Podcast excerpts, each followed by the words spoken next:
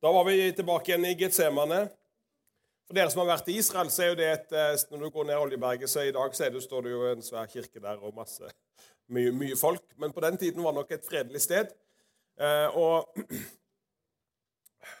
vi har ofte besøkt et sånt lite av, avskjerma hage på andre siden av veien eh, når vi har vært der. Så det har vært en litt mer sånn autentisk opplevelse av, av hagen, selv om det var fint og tilrett der, da, så var det nok mer oliventrær og mer sånn type enkelt på den tida, hvor han kunne få være alene i bønn. Men eh, den kampen som pågikk der, i Getsemane Når han faller på kne, og han, er, han, han, han svette blir som blodstårer Han kommer tilbake til disiplene to ganger, og de ligger og sover i den mest avgjørende fasen kanskje Vi bruker jo å si at eh, Jesus' seier, eller den, den vant han i Getsemane. For der eh, holdt jeg på å si, der eh, overga han sin vilje. Det var to viljer som kom inn i Getsemane, og så var det én vilje som gikk ut. Eh, og det er ofte det som skjer eh, i bønn. Eh, det er jo denne konfrontasjonen med vår egen vilje våre egne motiver, våre egne tanker, eh, som på en måte får lov til å bearbeides og underordne seg Guds vilje, Guds tanker, Guds retning. Og Det kan der og da oppleves som en smerte, men der vil også seieren ligge. Bønn handler jo veldig mye om å høre og få retning. Og få del i Guds kunnskap, få del i Guds innsikt, fordele Guds åpenbaring. Det får vi jo når vi lytter til mennesker som har fått åpenbaring. Men det å få en åpenbaring selv når man er sammen med Gud, det er jo det mest kraftfulle. Det å få, få oppleve at Skriftene åpner seg. Få oppleve at, eh, at, det som før var skjult, nå gir det plutselig forståelse når du er sammen med Far i himmelen.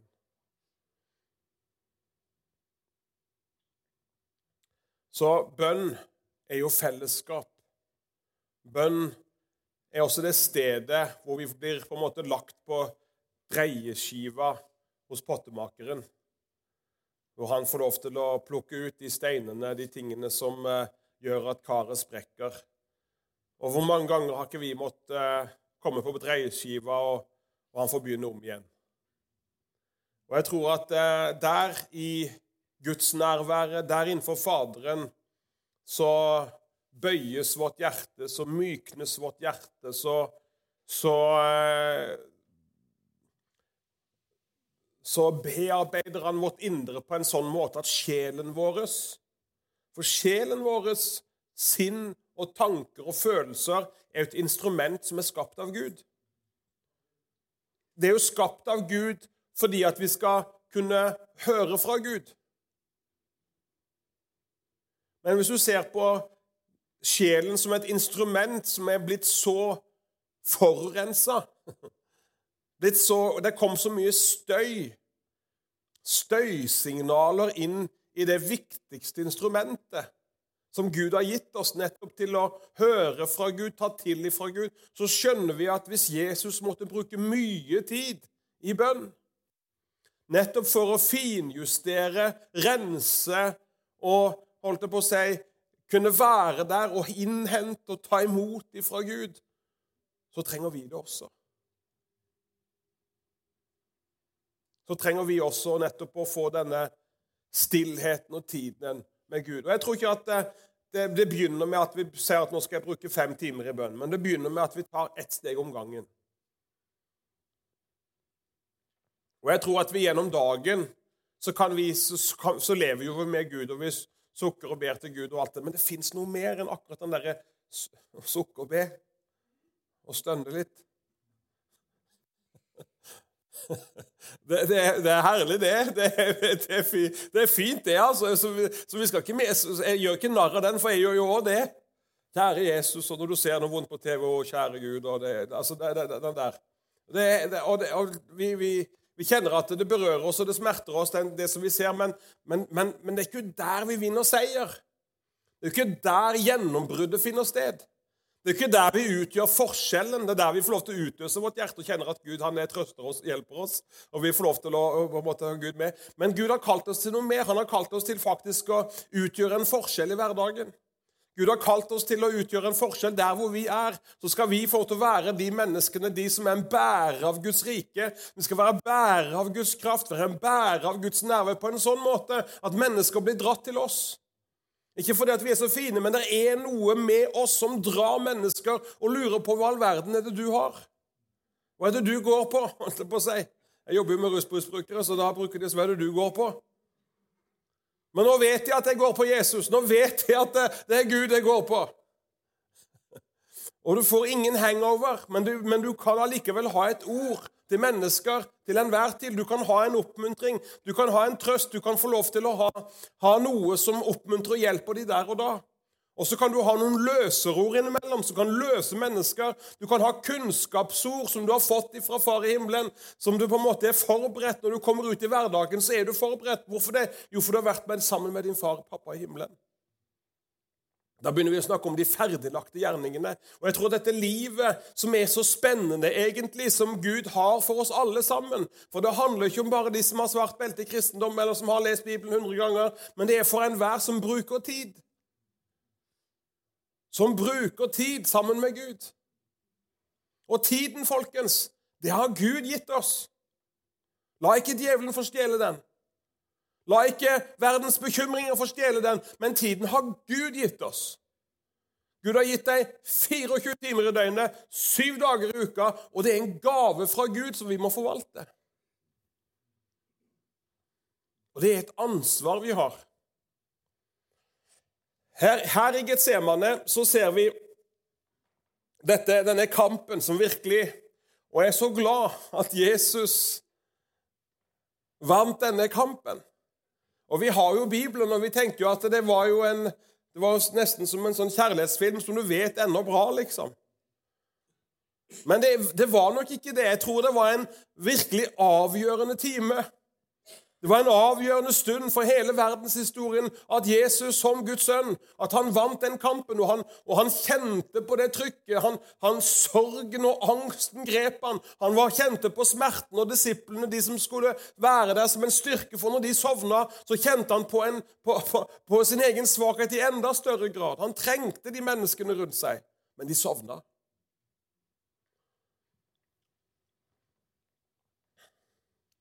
Og jeg tror at eh, de kampene vil vi også få, hver enkelt av oss, når Gud kaller oss til å leve og vandre sammen med Jesus. Og Han kaller oss inn i nye ting, inn i nye oppgaver.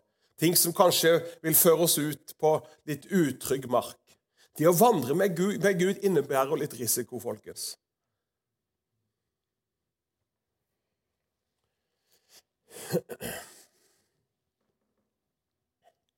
Vers 43. Da han kom tilbake, fant han dem igjen sovende, for øynene deres var tunge av søvn. Han lot dem være, og han gikk igjen i bort for tredje gang med de samme ordene. Deretter kom han tilbake til disiplene og sa til dem, 'Dere sover ennå og hviler dere.' Ja, dere hviler dere. Se, timene nær da menneskesønnen skal overgis i synderes hender. Stopp, la oss gå. Se, han er nær som forråder meg. Så her kunne vi egentlig dvelt lenge, for her er det mange interessante ting som, som, eh, som lærer oss mye om bønn.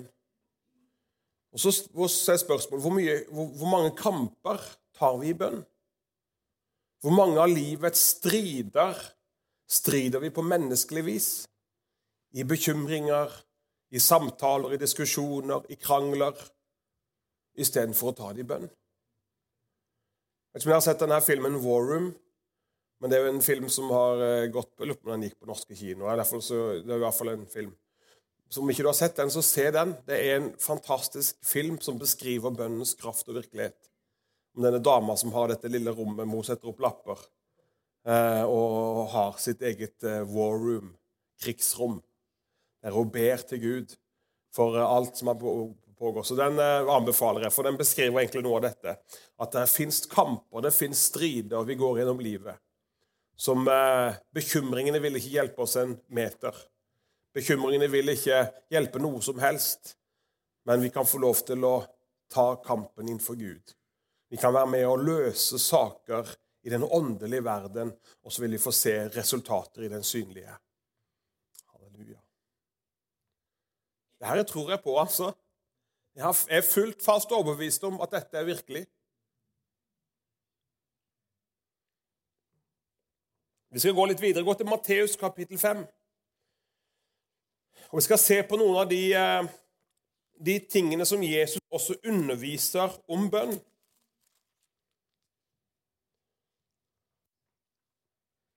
For meg personlig så dette med bønn og så er den beste måten å lære å be på, det å be. Det som da blir utfordringen vår og kampen hver dag og kampen hver uke, det er å få den tiden som trengs. Det er også å finne tid, sette av tid, der vi kan være uforstyrra. Det er kamp nummer én og prioritet nummer én. Skal vi innta nye områder i bønn, skal vi la Den hellige ånd få lede oss inn i bønnens verden, så må vi gi han oss tid. Han kommer ikke til å slå oss i hodet med tiden. Han kommer ikke til å tvinge oss på kne. Han kommer ikke til å fengsle deg slik at du får masse tid. Han, han, han inviterer oss til å sette av tid. Så der er punkt nummer én. Kallet til bønn er udiskutabelt. Det kunne jeg brukt eh, en time på og bare gitt dere en haug med skriftsteder på akkurat det. Men bønn er fellesskap. Og Derfor så ser vi at der også eh, er, er Og, og, og vi, vi, Jesus han sier 'be, og du skal få'. Enkleste undervisning om bønn. Be, og du skal få. Let, og du skal finne. Bank på, og det skal lukkes opp for deg. Og Jakob sier jo at dere har ikke, for dere ber ikke. Så det er jo enkle svar på vanskelige spørsmål. Hvorfor det, og hvorfor det? Jo, det kan hende at det er en åndelig fattigdom iblant oss. En åndelig fattigdom når det gjelder det personlige, private livet med Gud.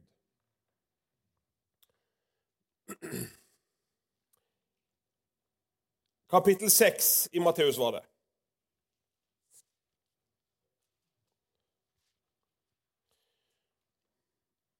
Og så Her står det fra vers 5. Når dere ber, sier Jesus, når dere ber, vær ikke som hyklerne. De vil gjerne stå i synagogen og menighetene på gatehjørnene og be for å vise seg for folk. Sannelig sier de allerede fått sin bønn. Så med andre ord så Vi ber ikke for å vise oss. Vi ber ikke for å be bevise for noen at vi er gode kristne. Jeg tror ikke nødvendigvis at det er sånn, men var, jeg husker da jeg var liten, så hørte jeg når Olsen leder i bønn. Vet på hvem som kom som nummer to. Det ble en sånn konkurranse i det. Hansen leder i bønn. Og vi vokste opp og så på ski på TV, så tenkte vi hvorfor han leder i bønn?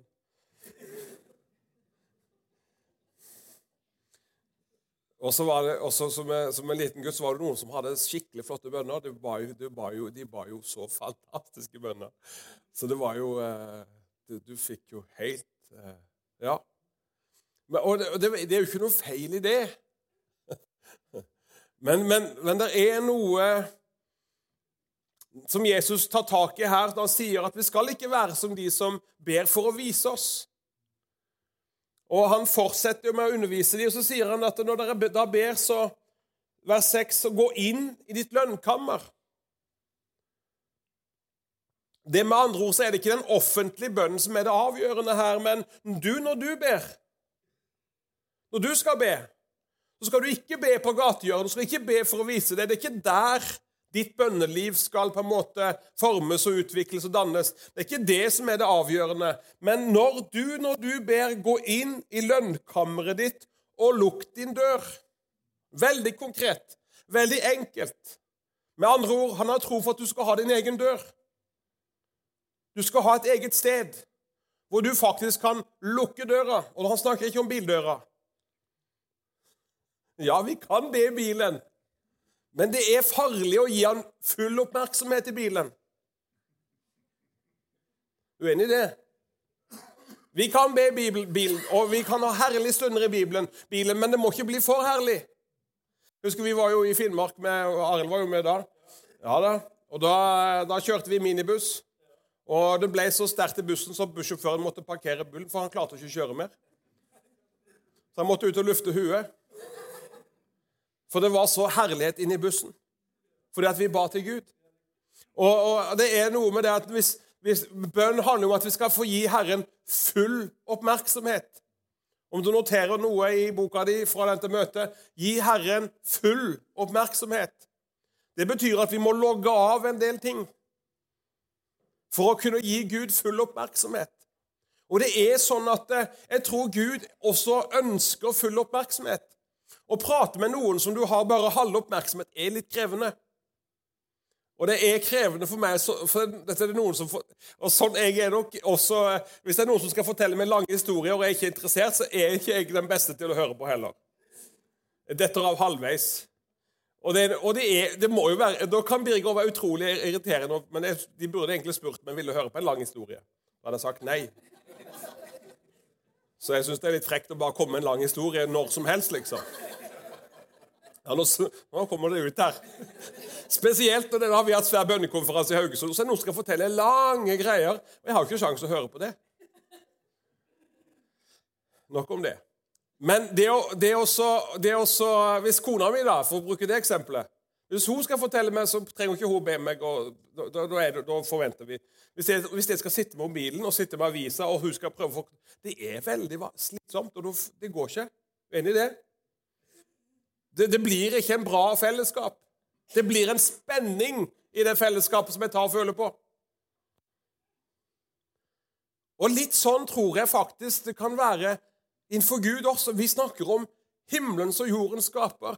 Bønn handler om å kunne gi Han vår fulle oppmerksomhet. Ja, vi kan be når vi vasker opp. Ja, vi kan prise Herren når vi vasker bilen, og når vi rydder, og når vi, vi, vi lever med Gud. Men vi må ha de punktene der Han også får full oppmerksomhet. Jeg kan ha fellesskap med Kjersti når vi jobber og vi holder, vi gjør ting sammen. og Vi elsker å gjøre, kunne gjøre ting sammen, og det er fantastisk. Men samtidig så må vi ha de stundene hvor vi kjenner at vi holder ikke på, men vi kan ha full oppmerksomhet. Det er det som bygger relasjonen. Men det samme skal vi bygge, utvikle, kjenne at hjertet vårt ut. Vi snakker om en Gud som ikke vi kan se med våre øyne. Så trenger vi faktisk å, å bruke tid for faktisk å bevege oss inn i den åndelige dimensjonen og være sammen med Herren. For dette er ikke en intellektuell øvelse. Det er faktisk ånd som søker ånd, dyp som kaller på dyp.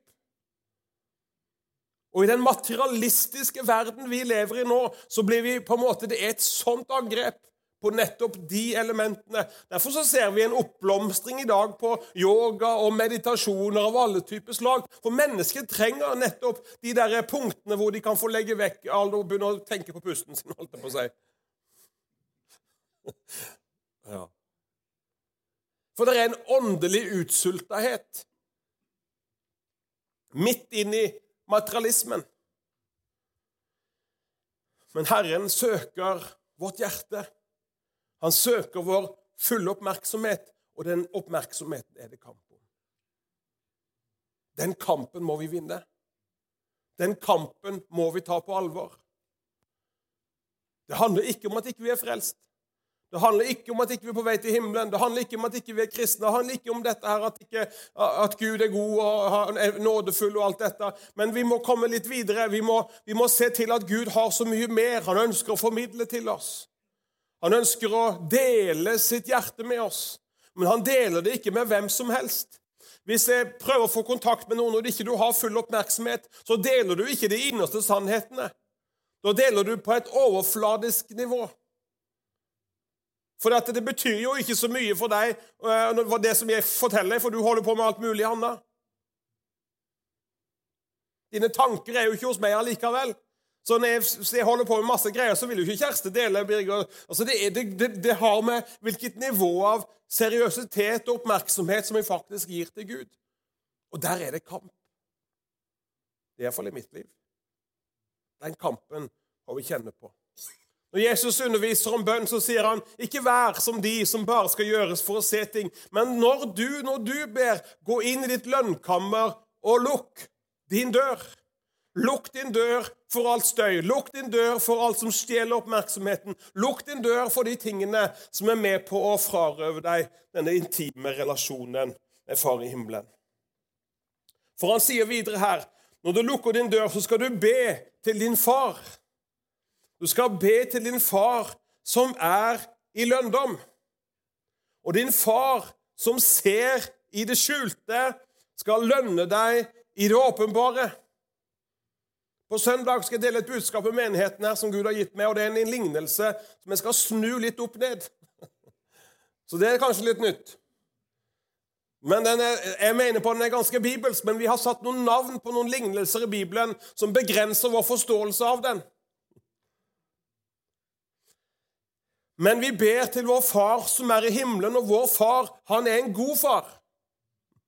Han er en god pappa. Han er en god Gud, det er en god Gud vi tjener. Og det er den gode pappa, denne gode faren, som kaller oss til fellesskap. Og det er han som er der for å fostre oss og lære oss den vei vi skal vandre. Når du ber, lukk din dør og søk, og der skal du be til din far som er i lønndom, som er i det skjulte. Og din far som ser i det skjulte. Altså, nå snakker vi om det skjulte livet med Gud. Det skjulte livet med Gud. Hvorfor det? Jo, for din far som ser i det skjulte.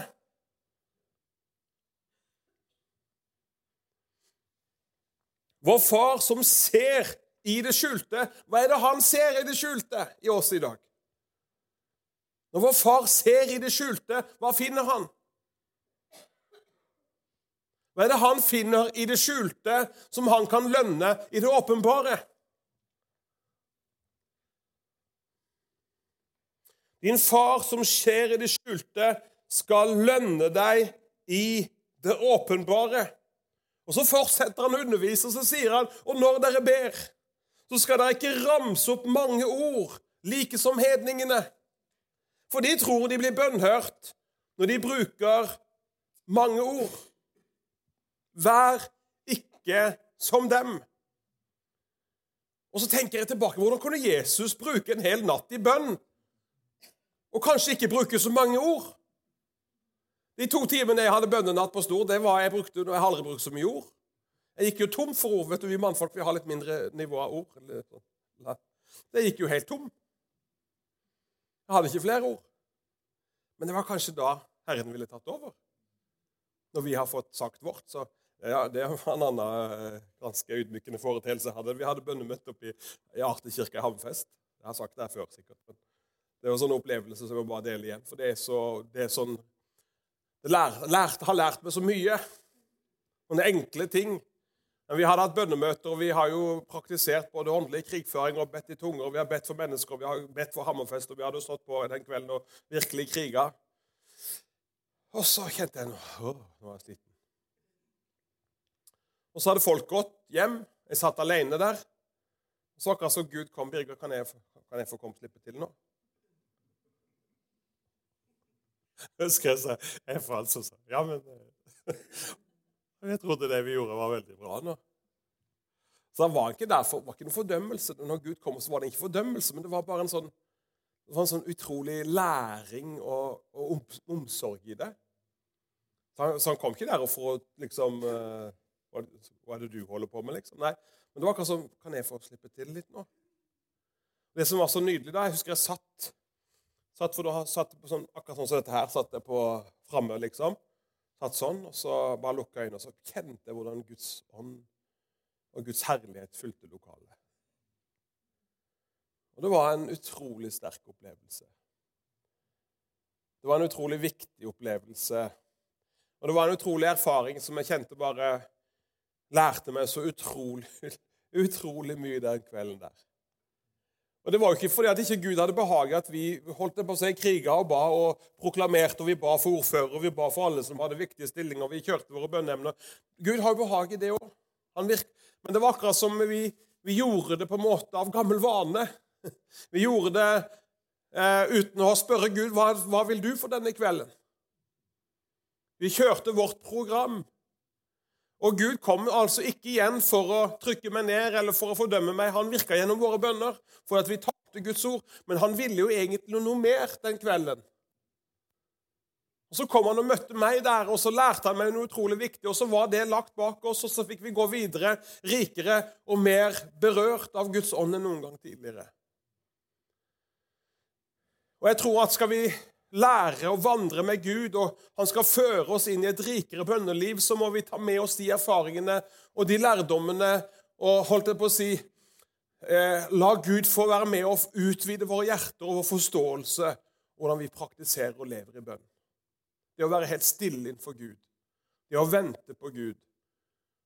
Det å kunne juble, fryde seg, danse, rope Samtidig som vi Det er faser der vi er helt stille, og vi bare tilber Han i vårt hjerte.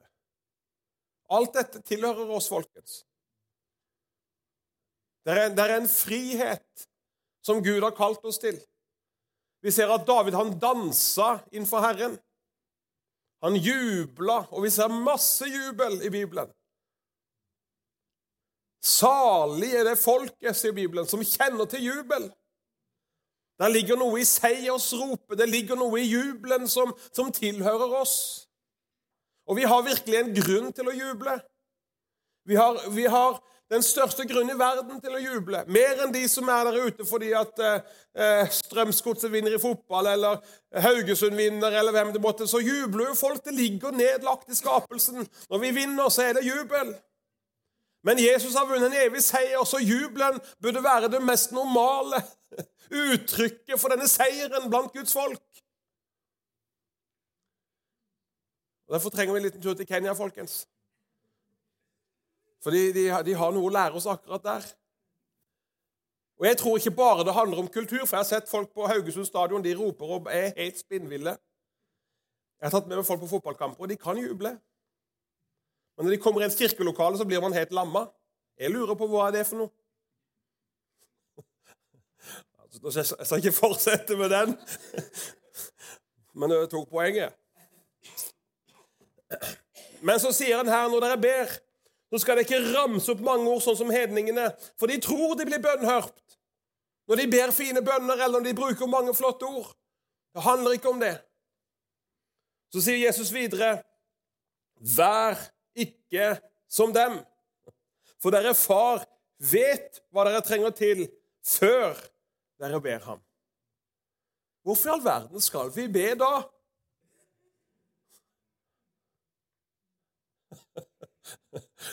Ja, det er sånn først vi får få nyfrelste. Men vi som har vært frelst i mange år, vi bare tenker det. Men fordi at bønn handler om fellesskap.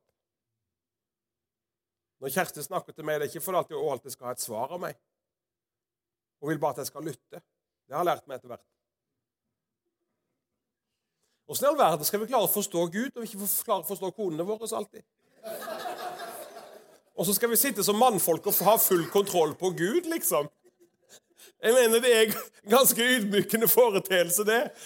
Og så kommer du hjem, og så forstår du ingenting. Nei, Vi får være litt ydmyke i forhold til hva vi holder på med. Vi snakker om Gud, folkens. Vi er forskjellige, og Gud han er jo så mye større.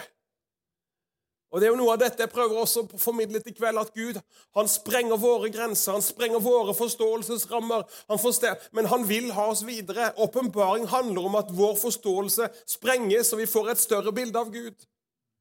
Og Det er jo dette, det er jo der wow-faktoren ligger, og den har jeg ofte. at Wow, tenk Tenk, Jesus, du er så mye større. Takk at du, du, kommer og viste meg dette, og du fikk lov til å dele dette med meg. og bare, Så står jeg bare der i beundring av Guds godhet. Og, og jeg tenker at her, dette bønnelivet som, som, som, Gud kaller oss inn i, det er så fullt av disse overraskelsene, av disse åpenbaringene, av disse opplevelsene, av disse erfaringene med Gud som gjør at eh, vi får bare et, et nytt perspektiv, og vi kan vandre som nyfrelst ut i dagen og kjenne at eh, halleluja, min Jesus lever. Derfor vil jeg leve. Det er noe i denne enkle troskapen imot Jesus Den enkle troskapen til Han som hele tiden er der, som går ved vår side. Og, og, og, og i hverdagen da, så jeg bruker jeg ofte Kjell Haltorp som eksempel, for jeg er mye sammen med han og reiser med han. Og, og det å se hvordan Jesus blir sluppet løs i enkle, hverdagslige situasjoner. Hvor folk ikke blir sinte, men de blir overraska av Jesus. De blir overraska av Guds kraft, overraska av Guds nåde og godhet og evangeliet. Og jeg tenker at Hvis du sier noe til han eller hun, så kommer de til å smelle. Men så deler han Jesus, og så blir de frelst. Da står jeg bare med Wow, er det mulig? Halleluja. Vi må gå et steg videre. Gå til eh, Markus kapittel 11.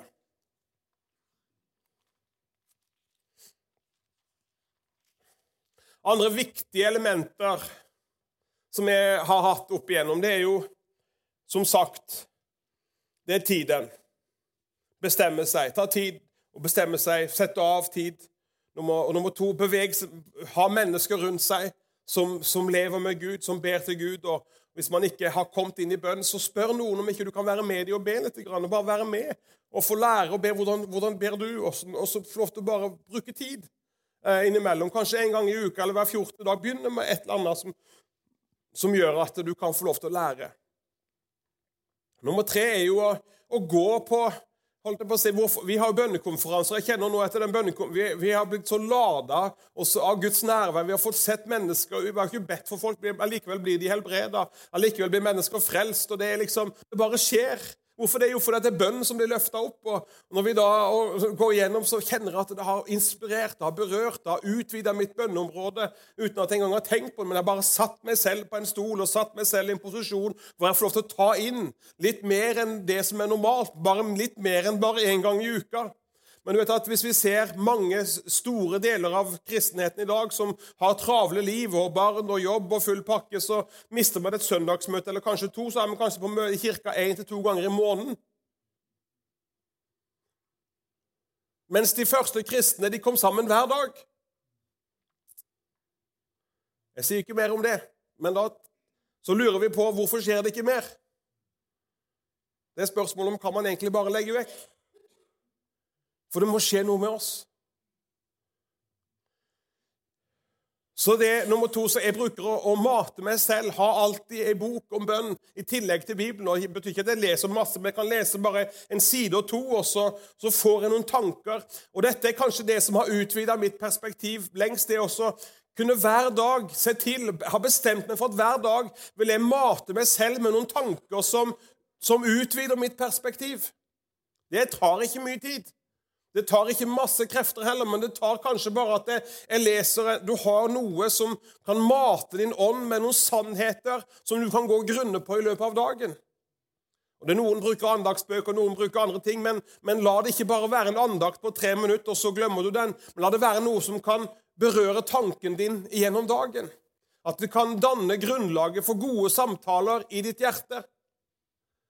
Det kan danne grunnlag, for jeg tror Den hellige ånd virker så sterkt akkurat i de samtalene. Den virker også denne indre dialogen. Når du har et Guds ord, en Guds sannhet, som arbeider i ditt hjerte og Det kan være en tanke om at bare den, dette med Gud er god. altså Bare tenk gjennom bare den tanken, hvis den sannheten kan få lov til å berøre deg. Gud er god, han er barmhjertig og nådig og full av sannhet og godhet. Bare den tanken, det er en enkel ting, kan få lov til å danne en samtale og et indre arbeid ditt indre, så kjenner du at du, blir, du vandrer i, i Guds nærvær. Denne sannheten hjelper oss til å vandre i Guds nærvære. Og jeg kjenner at nå Gjennom en sånn konferanse så bruker jeg mye tid. og, og, jeg, Vi har jo alt, alle taler tatt opp, og vi kan sitte og høre noe. det må høre opp igjen, og Så kjenner jeg at om jeg bare hørte 10 minutter eller 15 minutter av den talen der, så, så, så, så ble det en åpenbaring som jeg må grunne mer på. Man lar det ikke bare komme forbi og vente på neste år. Nei, Vi ønsker å jobbe med det, vi ønsker å arbeide med det. Vi ønsker å være som Maria. Hun tok vare på ordene i sitt hjerte. Det er noe med å ta vare på de åpenbaringene, sånn at det ikke blir å kaste perler for svin. Det er også et bibelsk uttrykk. Altså mennesker som ikke ser verdien av perlene. Men at vi ser det som gis oss. Det er verdifullt. Det er fra himmelen. Det er noe som har sprengkraft i seg til å forandre mitt liv. Halleluja. Så hver dag kunne få lov til å ha noe. og Av og til så kan man også sette av litt ekstra tid. Nettopp for å mate seg selv, bruke Guds ord. For meg er bønn også når jeg leser Bibelen og er sammen med Jesus og så videre, og ber videre. Jeg må, nå skal vi, De har gått godt her. Markus 11, fra vers 20. Tidlig om morgenen gikk de forbi fikentreet. Da de så det var visnet fra roten av. Da mintes Peter han hadde sagt og sa til ham, 'Rabbi, se fikentreet som du forbannet, det visnet.' Jesus svarte seg til dem, 'Ha tro til Gud.' Sannelig sier dere, den som sier til dette fjellet, løft deg og kast deg i havet, og ikke tviler i sitt hjerte, men tror at det han sier skal skje, for ham skal det skje. Derfor sier jeg dere, derfor sier jeg dere, alt dere ber om i bønnen, tro at dere får det, og så skal det bli gitt dere. Ja, dette er trosforkynnelse. Det står i Bibelen. Jesus underviser disiplene sine en viktig lekse. Han lar det gå utover et fikentre, og han bruker det som et eksempel.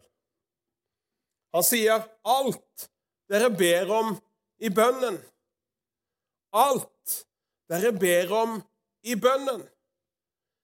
Tro bare at dere får det. Tro bare at dere får det så skal det bli gitt dere.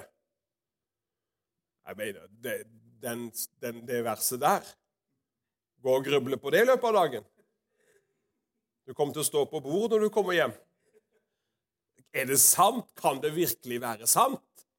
Alt dere ber om i bønnen, tro bare at du har fått det, så skal det bli gitt dere. Noen sier 'jeg tror ikke før jeg får se det'. Men du får ikke se det før du tror det. Tro bare at det blir gitt deg, så skal det bli gitt deg. Så tro kommer før du skal få se. Men i verden er det se, så skal du tro. Men i Guds rike er det motsatt. Tro bare at du har fått det, så skal du få det. Da har du et grunnevers. Men det er noe så herlig enkelt det er noe så herlig uintellektuelt med dette. Så vi trenger rett og slett åpenbaringsånd fra himmelen. Og Når du leser det her, det er enkel undervisning om bønn. Og jeg tror disse enkle prinsippene vil være med på å forløse en substans og en retning og en tyngde og en herlighet og en kraft og en enkelhet i våre bønner som vi kjenner at oi, oi, tenk at det kan være sånn. Hva er det som gjør, hva er tro for noe? Jo, tro er jo full tillit. Tro bare at du får det. En tillit til Gud. At Gud som begynte et godt verk, han vil fullføre det. Halleluja. Når vi da ber, så ber vi med tro. Vi ber med tillit, fordi vi ber i henhold til Guds ord og Guds løfter. Og dette er noe, Derfor så er Bibelen så avgjørende i vårt bønneliv. Bibelen, Du kan ikke ha et sterkt bønneliv uten Guds ord. Vi trenger disse løftene, vi trenger dette ordet, som igjen kan mate og være kraften. Det kan være sprengstoffet i våre bønner. Halleluja. Vi ber på grunnlag av Guds ord. Så sett rent praktisk har vi utfordringer på arbeidsplassen? Har vi utfordringer med helsa? Har vi utfordring i relasjoner? Har vi utfordringer på ulike områder? Så finnes det løfter for akkurat din utfordring. Og da har vi jo disse stønnebønnene som Gud også hører. Der vi beskriver for Gud også hvor, hvor vondt vi har det. Og den bønnen hører Gud. Og det fins en trøst, og Gud vil høre på det. Men skal vi få se en endring, så må vi på en måte gå inn i war roomet, da må vi gå inn i dette bønnerommet, der vi begynner å skrive ned vårt behov, og der vi også begynner å finne løfter som omtaler akkurat det området. Og når vi da begynner å be, Herre, nå ser du akkurat den situasjonen, nå ser du den situasjonen, men mine barn, Herre, det står i ditt ord at de skal være lært av deg. Halleluja. Så nå taler jeg utover barna mine, jeg taler utover jentene og guttene mine, de skal være lært av deg. Halleluja. Du sier i ditt ord at lær den unge den vei han skal gå, så skal han ikke vike fra den når han blir gammel. Jeg har lært mine barn, Herre, ditt ord. Jeg har lært mine barn dine veier. Og nå ber jeg, Herre, at det ordet som er sådd i mine barn, det vil du ånde på med din ånd. Det vil du ånde på med å arble det arbeide i de gjennom dagen. Det skal arbeide gjennom de uka. Kanskje nå så er de på et sted hvor ikke de skal være. Men jeg ber for mine barn, Herre. Du har gitt meg løfter i ditt ord at mine barn skal være lært av deg. Og så kan du hele veien kjenne at det er Guds ord som er substansen i dine bønner. Og Det som skjer, det skjer flere ting. For det første så utøver du åndelig innflytelse av godhet på dine barn. Nummer to så lar du Guds ord være det som forløser kraften i dine bønner. Det, det forløser tro i hjertet ditt. Og så vil du frigjøre deg fra alle slags bekymringer. Det betyr ikke at ikke du ikke kan få en bekymringstanke. Det vil komme, men i det øyeblikket at bekymringene kommer, da er det flott å bli gjort om til bønneemner innenfor Herren. Dette er Jesu nydelige undervisning. Derfor alt dere ber om i bønnen, tro bare at dere får det, så skal det bli gitt. Og Så kommer det en interessant vending i hele undervisninga. Så sier han, og når dere står og ber Når du står der og ber, så tilgi om dere har noe imot noen, for at også deres Far i himmelen skal tilgi dere deres overtredelser.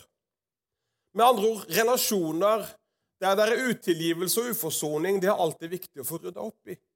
For det vil hindre våre bønner, det vil hindre våre relasjoner. Det vil hindre vår vandring med Jesus her nede.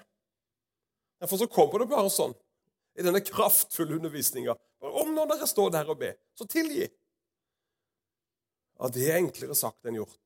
Men derfor trenger vi å bringe det fram for Gud i bønn. Derfor trenger vi å løfte det fram for Herren og tilgi først innenfor Herren. Og så vil vi også få kraft og nåde til å tilgi de som er rundt oss. John Knox, som var en av virkelig store bønnekrigerne i i England og Skottland. Han skriver bønn er en ærlig og nær samtale med Gud. Bønn er en ærlig og nær samtale med Gud. Og Det var en virkelig bønnekriger. den Dronninga sa at jeg frykter mer for John Knox bønner enn hele Skottlands herrer. Så det, det, var kraft i den karen. Men han sier bønn er en ekte og nær samtale med Gud fellesskap med Gud. Og Det ønsker jeg bare å slutte denne kvelden med nå. Hvordan skal vi la Gud få lede oss inn i bønn? Jo, vi må ta det. Gud har gjort alt som trengs å gjøres. Han har åpna en ny og levende vei for oss. Han har forberedt alt. Han har til og med gitt oss den og det fikk jeg ikke tid til nå, han har gitt oss den mest kraftfulle bønnehjelpa du kan tenke deg. Han har gitt oss Den hellige ånd. Og han kommer vår svakhet til hjelp. Han vil lede oss vår i vår, han vil være der som vår bønnepartner. Og det, det, er så nydelig. Men vi må bestemme oss. Vi må sette av tid. Det vil ikke Den hellige ånd gjøre for oss. Han vil kalle oss. Og det kjenner jeg på at Jo mer vi kommer inn i bønnens sfære, at vi kommer dit, kjenner at bønnen griper oss, så vil vi bli fleksible redskaper for Gud. For at vi har lært oss å lytte til Guds stemme, Den hellige ånds vink og kall på hjertet vårt. Da vil du måtte kunne trekke deg avsides av og til for å be for en sak. Kjenne at du kan få be til saken lettere. Men for, men for, at vi skal komme dit, så må vi begynne å be og søke Herren og sette, sette noe og fylle oss på. Mate, oss, mate vårt indre. Både med undervisning og med Bibelen. og Begynne å be. Være sammen med noen som ber. Gå på bønnemøter er et godt tips. Eh, komme sammen til bønn. Kjenne at det inspirerer og gjør noe med oss. Halleluja. Skal vi be sammen? Skal vi reise oss?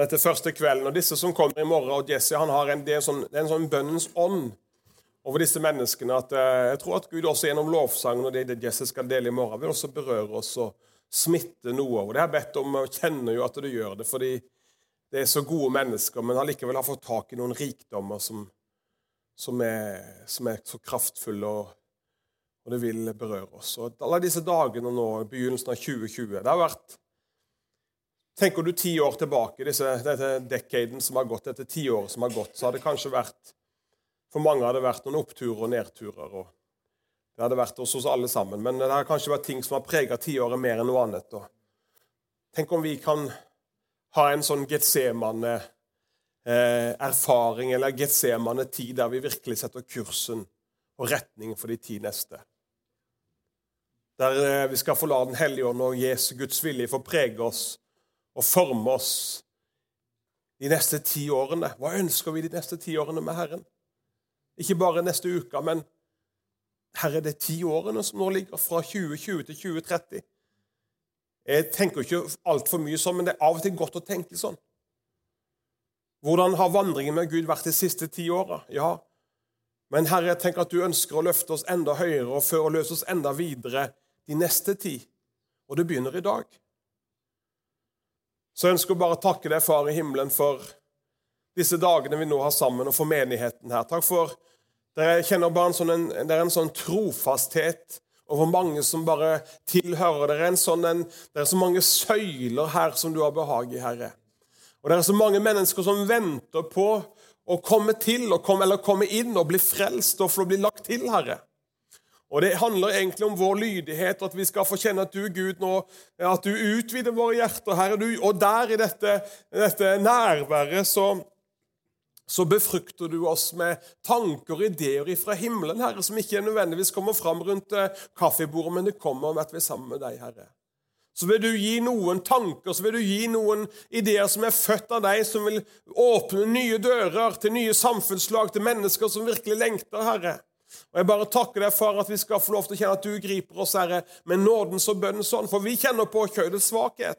Vi kjenner på at kjødet er skrøpelig, ånden er villig, Herre, men vi ønsker ikke å la kjødet få vinne igjen og igjen og igjen. Vi ønsker å la ånden få vinne som, som, du, Jesus, kunne ligge der, og du kunne uttømme ditt hjerte og uttømme din sjel. Så skal vi også få kunne uttømme oss innenfor deg og kjenne at du løfter oss opp og fyller oss med Den hellige ånd, Herre.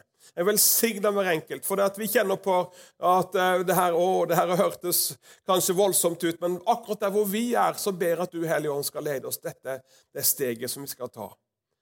Jeg bare ber at det skal være til oppmuntring for ett steg videre. Du fordømmer ingen, Herre. Du kommer ikke med fordømmelse, du kommer med oppmuntring, trøst og veiledning. Og Jeg bare ber la det få bli til en, en, eh, en velsignelse her. Og det er noen her som, som det, det, er, det er kamper som pågår i familien. Eh, og, og man lurer på hvordan skal dette ende, hvordan skal dette gå. Men det skjer ikke ved her, og det skjer ikke ved makt, men det skjer ved at Guds ånd får slippe til. Og Jeg bare takker deg, Far i himmelen, for at du skal bare lære oss en ny måte å kjempe på. Du skal lære oss en ny måte å stride på, Herre. At vi kan få stride med deg i våre bønner, Herre. At vi kan få proklamere dine sannheter, våre familier, våre barn og våre, våre slektninger, Herre. Der kanskje det er til bitre konflikter som har pågått over lang tid. Så kommer du, Herre, med forsoningens ånd, Herre, og forløser en ny tid, Herre. Nye løsninger, Herre. Det er noe som skal lette i disse konfliktene. Så kan det komme et ønske, et reelt ønske om forsoning og gjenforening, Herre. Jeg bare takker deg, Far i himmelen, for at du gjør det, Herre. Jeg vet ikke hvem, hvem det gjelder, men du vet det, Herre, og du bringer ned, Herre, en visshet i hjertet. Dette er veien, vandre på den. Og jeg bare ber at bønnens vei og bønnens uh, område skal åpne seg for oss alle sammen, Herre. At du kan få lov til å forløse en ny tid i ditt underbare nærvær. I Jesu Kristi navn. Amen.